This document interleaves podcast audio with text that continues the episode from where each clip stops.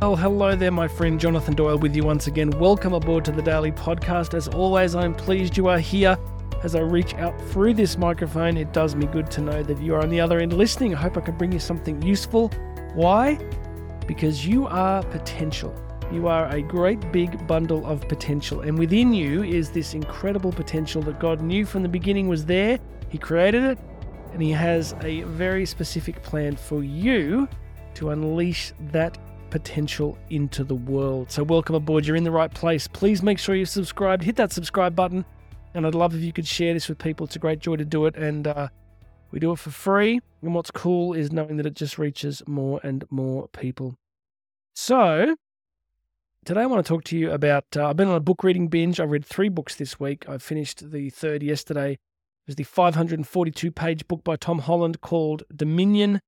It was a um, an extraordinary uh, history uh, tome, massive, big book. My kids were like cheering. They go, Dad, you finally finished it. But uh, the book I want to talk to you about is called The Courage to Be Happy. And I finished that because it was the follow up to a very famous book called The Courage to Be Disliked. But these books focus on the psychology of Alfred Adler. Regular listeners know I'm actually a big fan of Alfred Adler. He was a contemporary of Sigmund Freud parted ways with Freud. So at that time, you had the big three you had Sigmund Freud, Carl Jung, and Alfred Adler. I really like Adler's psychology. I'm going to be reading more on it because I think it's um, very human and it drives us towards responsibility. You know, Adler's real focus was on something he called self reliance. I think he kind of felt that the job in life was to grow up. The job in life was to become a self reliant human person. He talks about this thing called the separation of tasks, which I really liked. It's like this ability to identify what is your task and what are other people's tasks. And I don't mean taking out the trash or doing the dishes, I mean something else. I mean, you know, he, he would talk about things like people have this drive to kind of, um, you know, be accepted. So somebody goes into their workplace and they want to be noticed, right? They want to really get noticed by their boss and they sort of do all these sorts of things. But um, they get frustrated because they can't control the boss's response. They could do the greatest job in history, they could do the most incredible job ever. But who knows what's going on in the boss's head? Maybe the boss never says a word, maybe the boss doesn't care.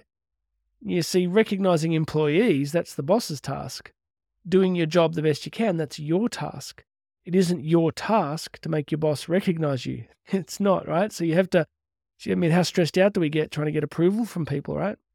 We have to realize that our task, our task is to become who we are. Our task is to own who we are and to become that person and to be a blessing through that person, rather than to get all tied up and worried about other people's tasks all the time and whether people are doing things the way I need them done and uh, very subtle things that go on in our lives, aren't there? So I really like that idea of the separation of tasks. I think that's really healthy.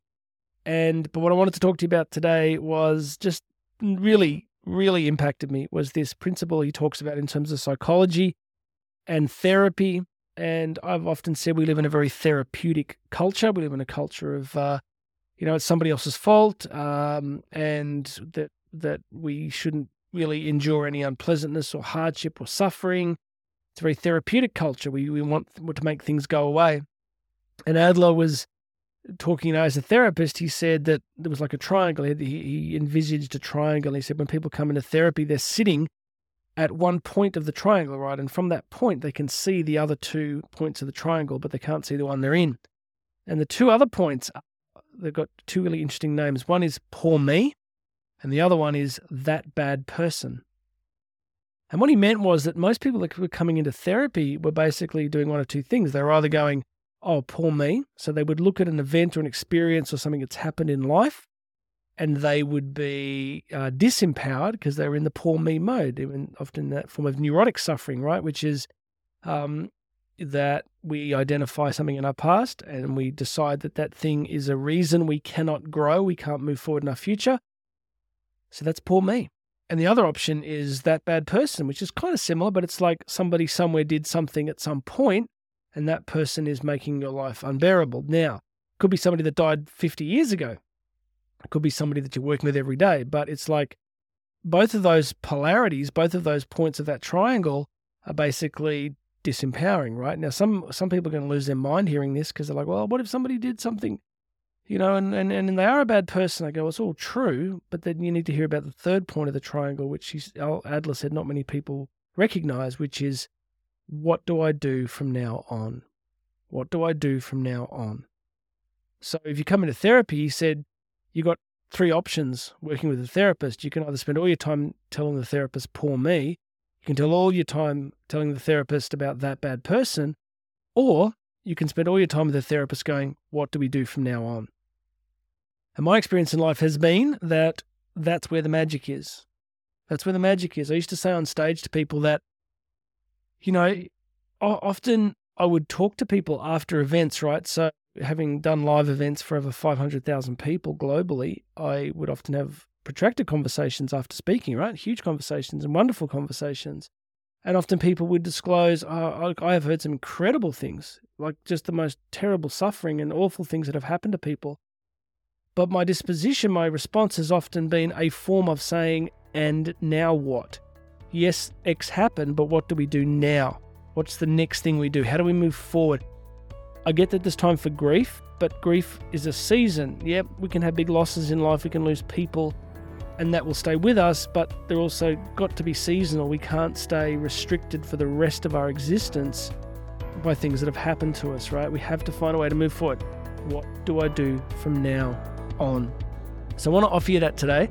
I want to say, looking into your life at the moment, the challenges, the problems you face, are you looking at poor me?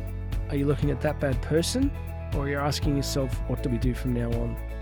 They're really powerful questions. They're powerful questions for me. I hope they're powerful questions for you. All right, please make sure you've subscribed. Share this with some people. Check out the links. You can book me to speak live. And, uh, and that's it for today. My name is Jonathan Doyle. This has been the Daily Message, and you and I are going to talk again tomorrow.